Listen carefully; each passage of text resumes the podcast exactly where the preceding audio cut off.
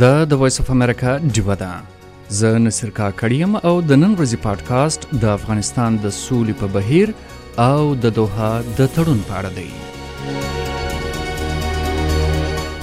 د فروری د میاشتې په نوښتمه نیټه د قطر په پلازمینه دوحه کې د افغان طالبانو او امریکا ترمنځ د تړون په لاسلیک کېدو ډیری خلګو خوشحالۍ وکړې چې اوس به په افغانستان کې سوله او ټیکاو راسي ولس به عادي ژوند وکړي کډوال به بیرته خپل کورونو ته ستانه سي نه به نور جنگ وي او نه به نورې ککرۍ خاورې سي خو د تړون د لاسلیک په دوهمه ورځ د طالبانو نظامی کمیشن و خپل وسلوالو ته اعلامیه ورکړه چې دزبندی له خارجي قواو سره سوي چې دوی ورته د اشغالګرو ټکی کارولی خو په دغه اعلامیه کې وسلوالو ته ویل سوي چې د افغانستان په عسکرو او پولیسو دې حمله شروع کی هم په دغه ورځ د افغانستان ولسمشر اشرف غنی وویل چې په تړون کې ذکر سوي 15 زره طالب زندانیانو د سرنوشت پریکړه به افغان حکومت کوي او د امریکا په دې کې څه رول د اسانتیاو پیدا کولو پرته بل څه نسته له دغه بیانیو وروسته نه یوازې په افغانانو کې بلکې د بشري حقونو سازمانونو اروپایي ټولنې او د افغانستان گاونډي پاکستان هم اندېښنې څرګنده کړې اروپایي ټولنې او په افغانستان کې د ملګرو ملتونو مرستندوی دفتر یا یونما د طالبانو لخوا د تشدد کمولو مودې د غځېدو غوښتنه وکړه په افغانستان کې د اروپایي ټولنې استازي رولاند کوبیا په خپل ټویټر ولیکل که چیرې د طالبانو لخوا د بریدونو پیلېدل تایید سي دا به د هغه تړون د روحیې په ضد وي چې په دوحه کې لاسلیک سو دا د دې وخت نه دی بلکې د باور رامنځته کولو مرحله ده چې په رغنده ډول پر مخ ځي دغه ډول د افغانستان د بشري حقوقو خپلواک کمیسیون د افغانستان د حکومت او طالبانو ترمنځ د 15000 طالب بندیانو په ازادېدو اندېښنه وښودله دغه کمیسیون امریکا افغان حکومت او طالبانو ته په یو لیک کې ویلي چې خلک د یادې تبادلې په اړه اندېښنه لري په دې چې طالب بندیانو بېلابېل جرمونه کړي او عام خلک یې په هدف کړي دي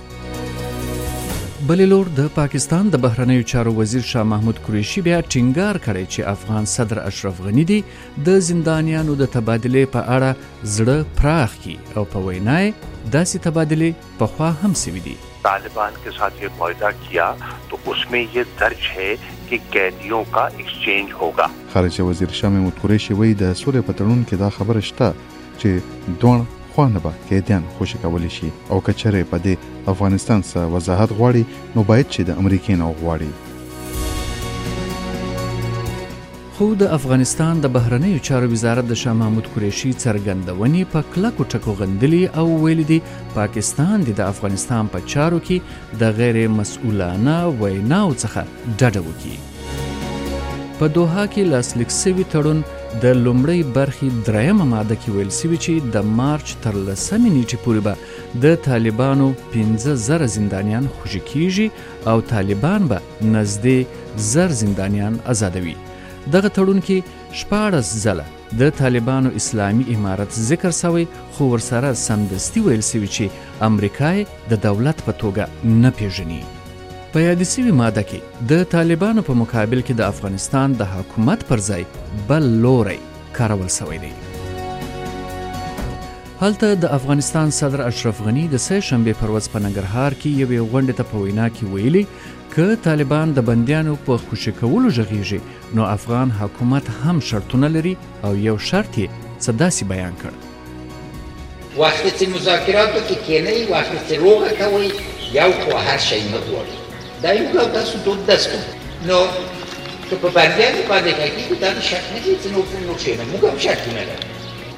ماته دې ووایي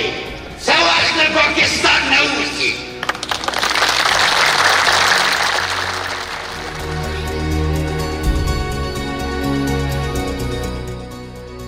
په عین وخت کې طالبانو د خپل اعلامیې سره سم په افغان قواو حمله هم کړې دي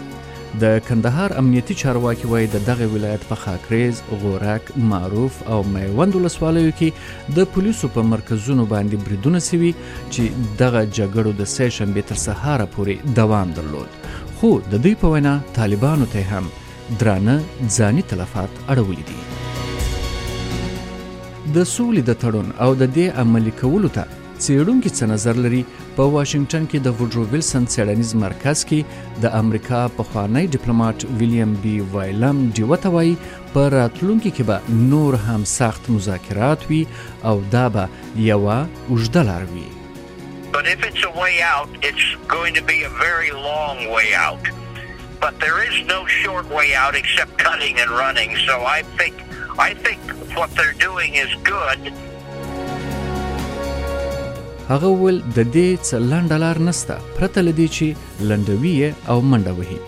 خو زما په فکر دوی چې څه کوي ښه کوي په پاکستان کې یو وتلی څېړونکی طاهر خان وایي اسلام آباد باید د افغانستان د ستونزې په هواري کې مرسته وکړي نه چې دا عمل نور پیچلی کړي نو دا د پاکستان نه بهر د افغانستان مسله ده دا د افغانستان او د امریکې ترمنځ معامله ده دا د طالبانو او د امریکې ترمنځ معامله ده د پاکستان بار بار په دې باندې خبرې کول زما خیال دا به د پاکستان افغانستان ترمنځ چې کوم د وړاندې نه یو تعلق ډیر ښه نه دی نو دا به هغه نورو پسو یاد کی او هغه افغانستان کې چې کوم سوچ دی چې د افغانستان په معاملاتو کې دغه رنګ د خلک ته د مداخلې ورکړي یا هغه غواړي افغانستان خلک چې پاکستان غواړي چې هڅه باندې یو غیزو لري هغه سوچ ته به یو قوي کیږي هغه سوچ غیر تقویت پیدا کیږي نو باید چې پاکستانیان هم یو احساس وکړي او دا شیان هغه ته پریری د سہولتکارۍ رول د پاکستان په ویچرته هغه دی ادا کی نور زما خیال کې په دغه باندې داسې څرګندونه کې نو دا دا هم یو مشکل پیدا کولی شي خو د دې ټولو اندېښنو برسېره د طالبانو مشر مرکچي عباس ستانکزي په قطر کې وایس اف امریکا ته ویلي د بین الافغاني مذاکراتو لپاره آمادګي لري او په ټاکل سوي وخت به ترسره سي. په لسم د مارچ باندې چې په توافقنامه کې ذکر شوی انشاءالله موږ بین الافغاني کنفرانس ولرو چې په هغه کې به د افغانستان د ملت نمایندګان راټولیږي او دا به سره کینی البته په کوم جي کې کینې دا جام لا تر اوسه نه د تین سوی ځکه چې موږ امریکانو د خو باندې په دې باندې اتفاق نه کړی دغه سره یو ملک به تینګال به سره کینو ځینې څېړونکي بیا وایي د بین الافغاني مذاکراتو په پیلېدو سره به اصل وضع رامنځته سي چې د طالبانو رول به څه وي وسله وال طالبان به څه ډول په ټولنه کې جذبیږي